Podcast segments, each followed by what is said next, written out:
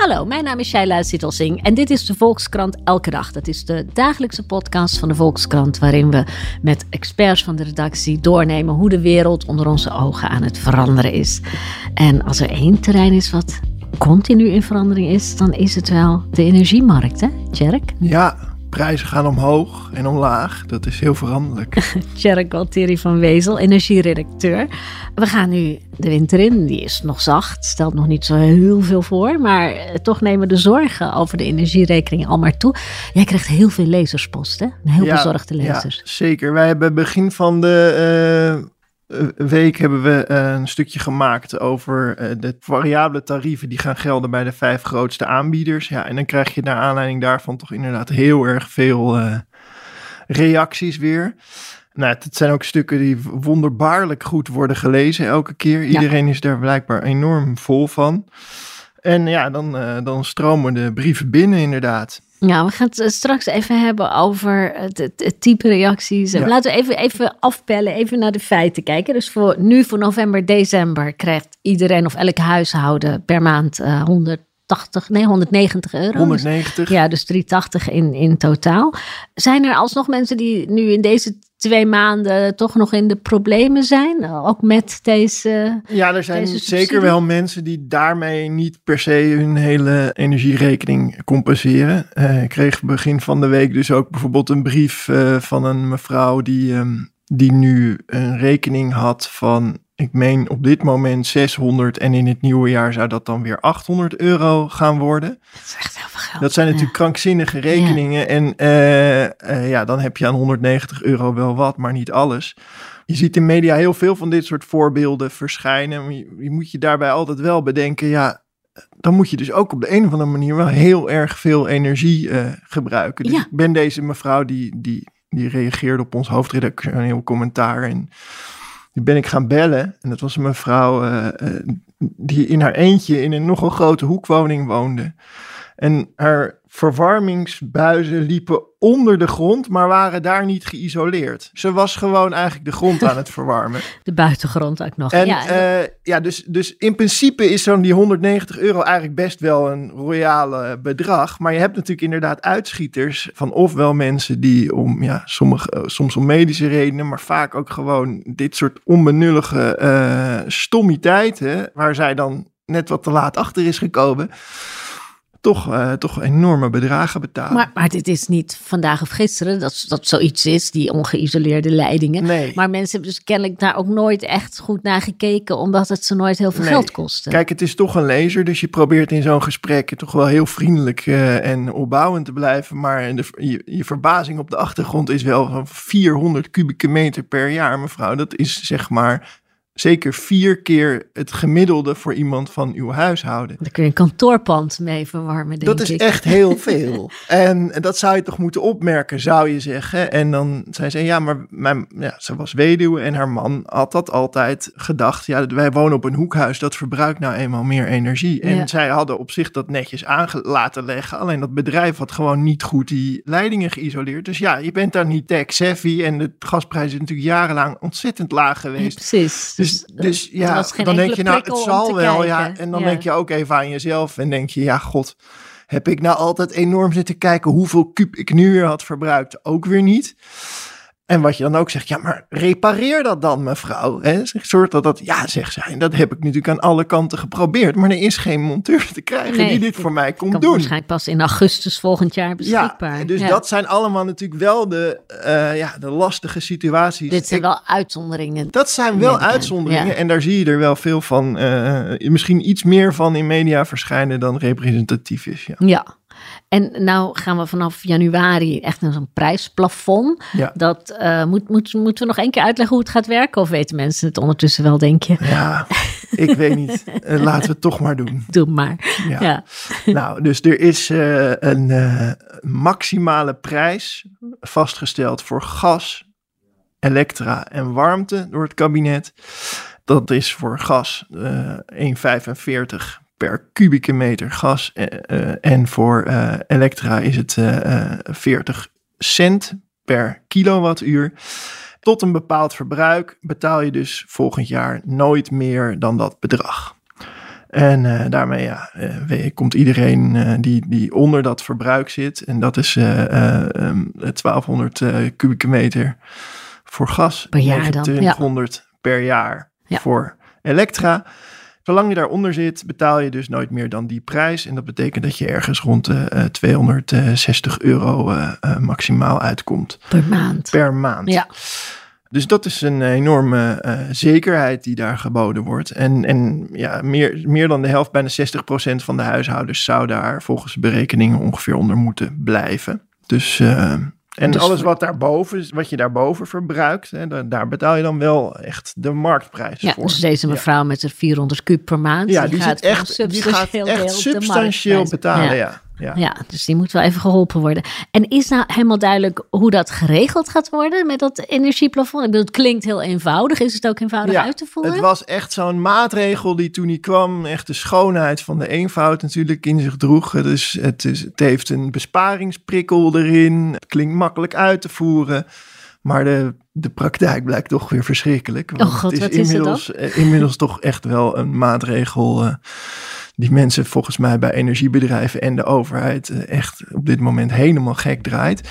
Ja, een van de belangrijkste haken en ogen op dit moment is nog steeds niet duidelijk is hoe het gaat met iedereen die in een blokverwarming zit. Dus er zijn een hele, blijken een heleboel aansluitingen te zijn. Hè. Dus de uitvoering van deze hele maatregel is gelegd bij de energiebedrijven in wezen. Ja. En die gaat dus per aansluiting, zou dat verbruik bijgehouden moeten worden. Alleen blijken er nou ja, ongeveer een half miljoen huishoudens in Nederland te zijn die hun helemaal niet één aansluiting hebben, maar die aansluiting met, z'n, met een grote groep mensen delen. Ja, studentenflats. Studentenflats, maar heel veel bejaardencomplexen ja, en, en sociale woningen. Ja, ja, gewoon waar mensen dicht op elkaar wonen, is vaak blokverwarming. En dan heb je niet zo'n uitsplitsing. En soms hebben ze dat achter die blokverwarming wel goed geregeld. Vaak trouwens. Hè, dus dat onderling wel goed wordt verrekend. Nou, jij verbruikt zoveel, jij zoveel. En dan wordt een afrekening gemaakt door de VVE of door de woningcorporatie van hoeveel iedereen betaalt. Maar dat ziet het energiebedrijf niet. Dus die kan niet zien wie die nu welk tarief moet in rekening gaan brengen. God. Dus en wie dat... wel weet is natuurlijk de overheid. En die mag dat niet vertellen, want privacy. Dat mag allemaal niet aan elkaar gekoppeld worden. Die mensen dus die in zo'n blokverwarmingscomplex uh, wonen, die zitten dus in onzekerheid over hoe dat wordt opgelost. Ja, nou er is wel al toegezegd dat het opgelost gaat worden. En dus ook al wel duidelijk in welke richting ze dat zoeken. Maar de echte uitwerking daarvan, die zou dan pas volgende week, heb ik, ik heb nog even gemail, uh, geïnformeerd bij het ministerie, maar volgende week waarschijnlijk duidelijk worden. En er komt dus een hele aparte regeling voor die groep mensen, die dan door de Belastingdienst alsnog uitgevoerd zal gaan worden. Door dus, de Belastingdienst. Ja, ja. Dus dat uh, wordt ook allemaal nog uh, heel interessant. Maar dit is dus wel voor al die mensen nog steeds soort van onduidelijk hoe dan precies en hoe ze dan aan dat geld zouden moeten gaan komen. En of dat dan in één keer een klapgeld is. Of, dat is allemaal nog niet helemaal zeker. Maar goed, het is wel zo dat, dat dit is wel echt erkend ook door de politiek als ja, dat kan natuurlijk niet dat zoveel mensen hier niet van uh, zouden kunnen profiteren. Dus er komt een oplossing voor, linksom of rechtsom. We, we, moeten er toch echt van uitgaan dat daar een uh, serieuze oplossing komt. Volgende week als het goed is. En is dat het enige, die blokverwarming, of zijn er meer?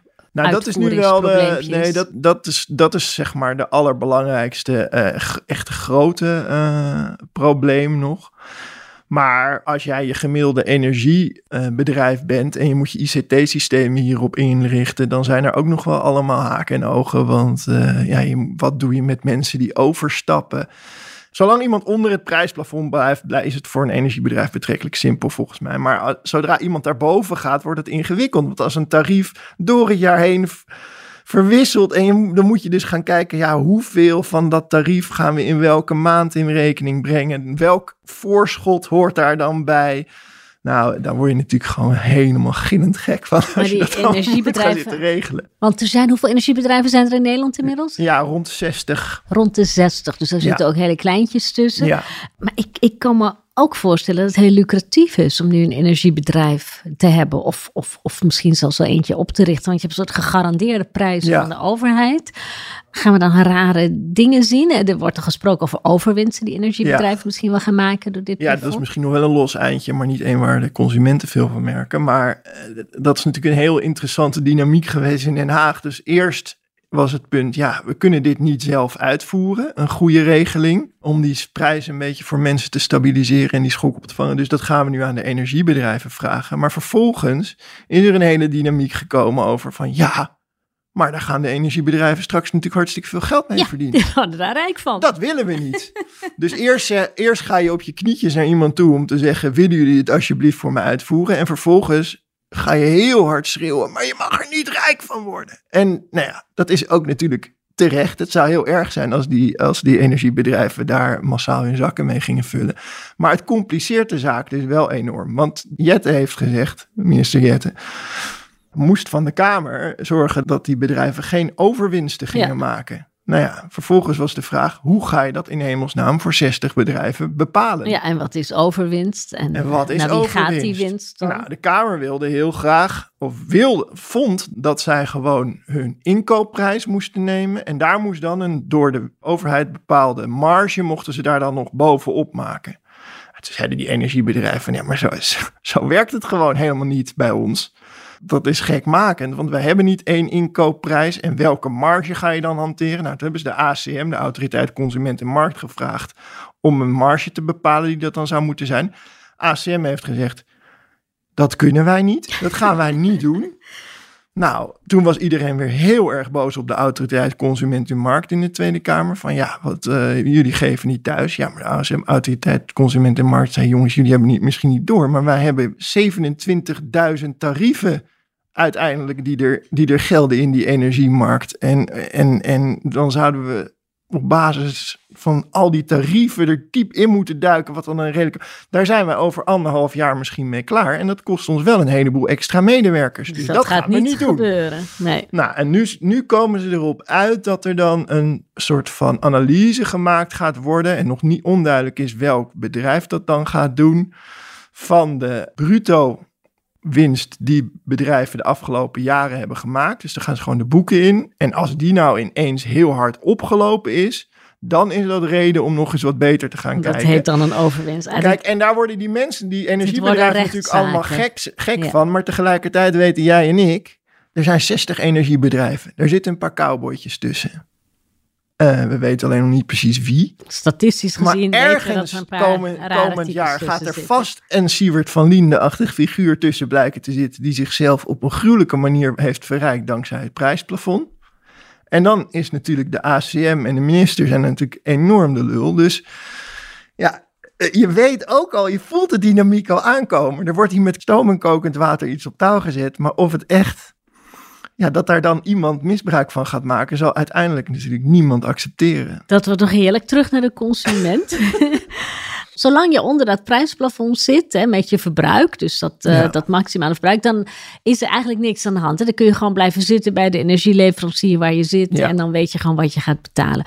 Als je daar nou boven zit en je hebt eh, geen vast langjarig contract, want er zijn natuurlijk ook nog een heleboel huishoudens die hebben gewoon een contract voor vaste tarieven, wat misschien pas over een jaar of over twee jaar afloopt. Ja. Met die huishoudens is er ook nog niet zoveel aan de hand. hè? Nee, nee, daar lopen er op de redactie ook nog een paar van rond. eh, want ik, jij? Ja, ik heb ook een vast eh, langjarig Tot contract. hoe lang? Oh, ik geloof tot 2024 of zo. Ja, nou ja, dan ben jij de spekkoper.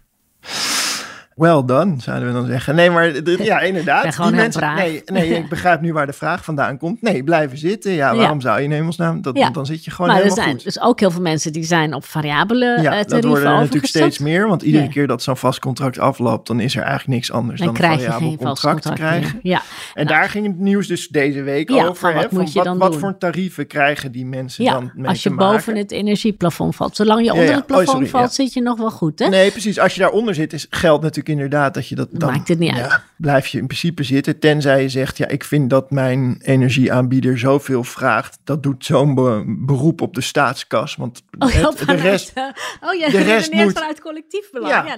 Nou ja, dat betaal je uiteindelijk ook zelf. ja. Of onze kleinkinderen. Denk je dat jij iemand, niet, niet iemand altijd- zo gaat redeneren? Dat die zegt, ik ga om de staat geld te besparen, ga ik overstappen. Ik denk dat, uh, ik denk dat er wel lezers, uh, dat wij lezers hebben die wel zo denken. Dat is heel braaf. Ja. Als je vanuit jezelf redeneert, je hebt een variabel contract en je zit met je verbruik boven dat prijsplafond, moet je dan wel of niet overstappen? Daar heb je een heel ingewikkeld verhaal over gemaakt. Maar staat ja misschien wel, maar misschien ook niet. Nee, het probleem is dat de tarieven die we nu zien, hè, die we begin dit jaar, uh, deze week hebben gepubliceerd van die verschillende aanbieders, er zitten enorme verschillen tussen. En dan zou je dus zeggen, ja, dan moet je overstappen. Want ja, uh, als je bij Vattenfall 3,22 euro betaalt en bij uh, budget energie een euro minder, nou, dat is gewoon heel erg veel geld. Ja. Haal nog even die mevrouw uh, voor ogen. Je zou er bijna, bijna 3000 euro mee besparen op jaarbasis. Nou, dat is natuurlijk heel veel. Alleen het probleem is dat al die tarieven zo ontzettend slecht vergelijkbaar zijn, omdat die, dat tarief van Vattenfall, dat staat een jaar lang vast. Mm En dat tarief van budgetenergie wisselt elke maand. Het mag een energiebedrijf kan dat natuurlijk zelf bepalen. ja, variabel betekent onder het prijsplafond minimaal een maand. Er zijn ook aanbieders die dagtarieven aanbieden.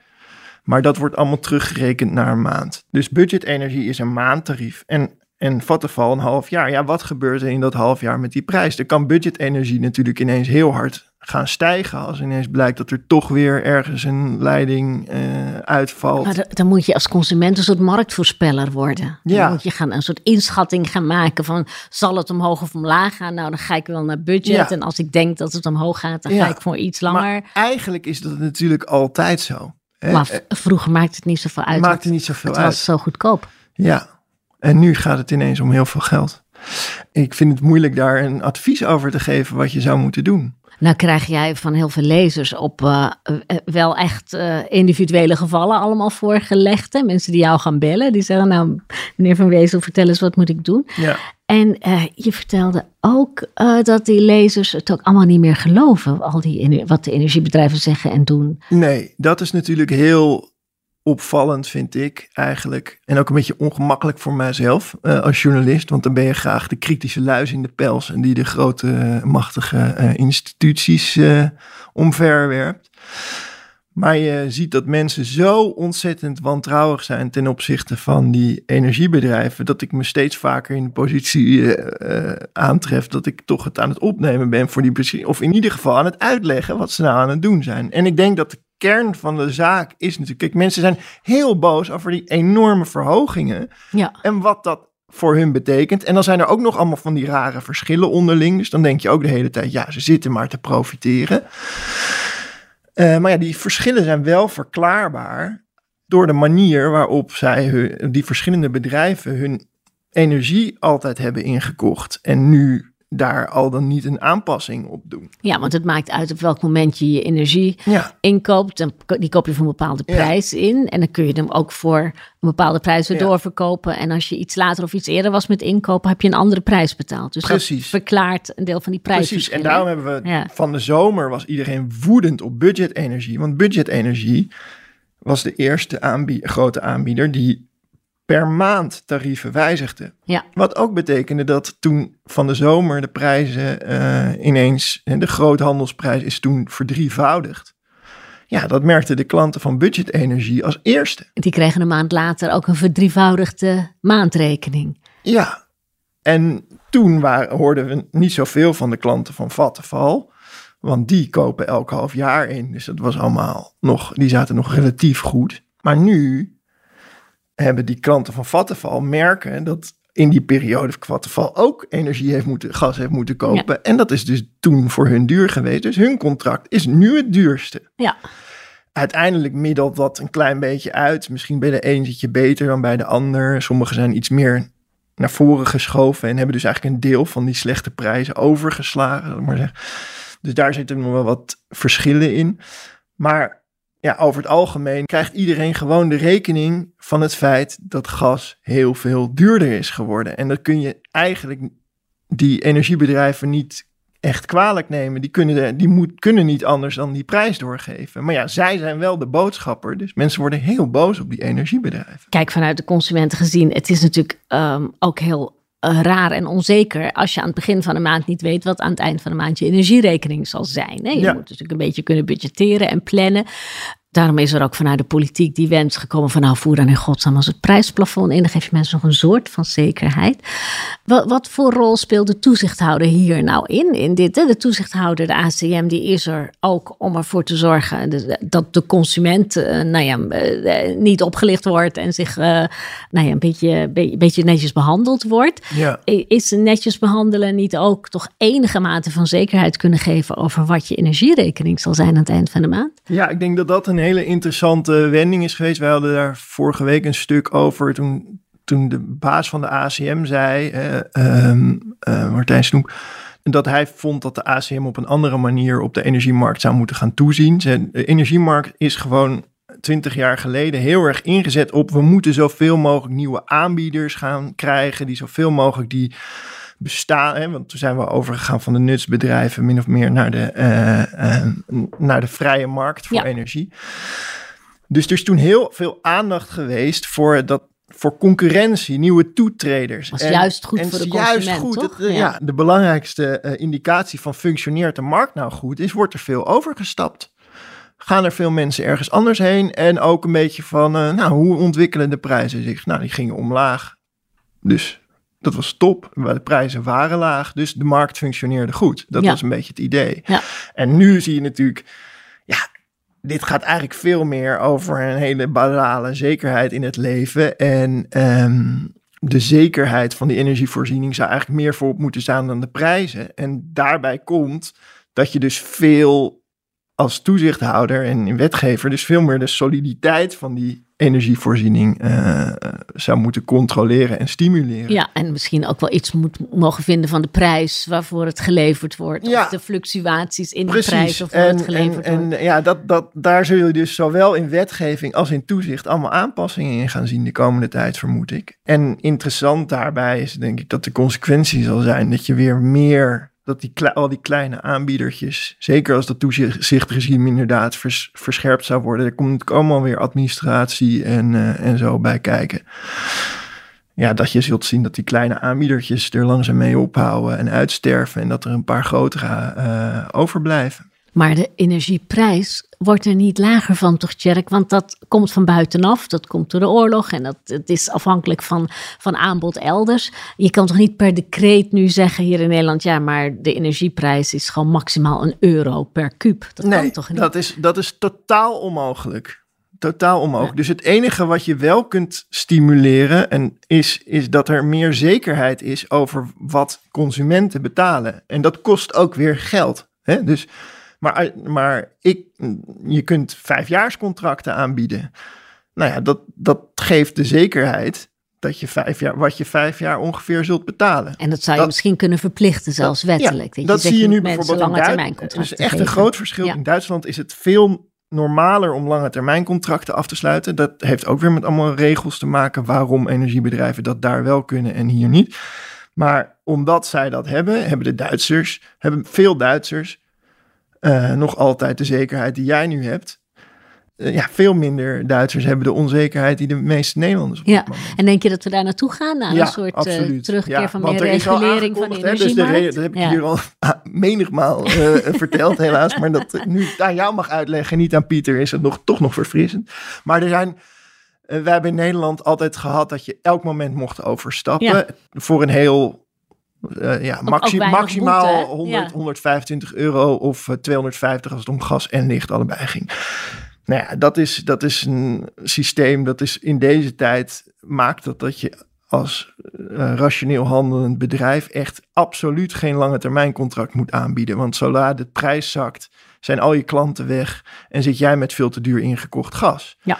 Dus dat wordt nu aangepast. Nou, daar is de hele, dat is nog niet helemaal duidelijk hoe die boeteregeling eruit gaat zien, maar dat zal lijken op hoe je dat bij de hypotheekmarkt hebt. Hè. Als jij wegga, weg wilt omdat je elders een beter, betere rente kan krijgen, dan is dat prima, maar dan moet je wel betalen Ja, aan jouw oude aanbieder, omdat die daar schade van ondervindt gewoon. Dat zal in de loop van dit jaar geregeld worden. En als dat er goed uitziet, kunnen de energieaanbieders weer ehm, langere termijn contracten gaan aanbieden. En dan is wel interessant om te zien dat de internationale, de groothandelsprijs voor gas, dat, daar kun je gas kopen voor morgen. maar ook voor over vijf jaar. Dus al die prijzen kun je zien. En je ziet dus dat de komende anderhalf jaar zijn de prijzen nog behoorlijk hoog. Maar in de jaren daarna gaat die, is, het, is het best goedkoop om gas voor die jaren te kopen.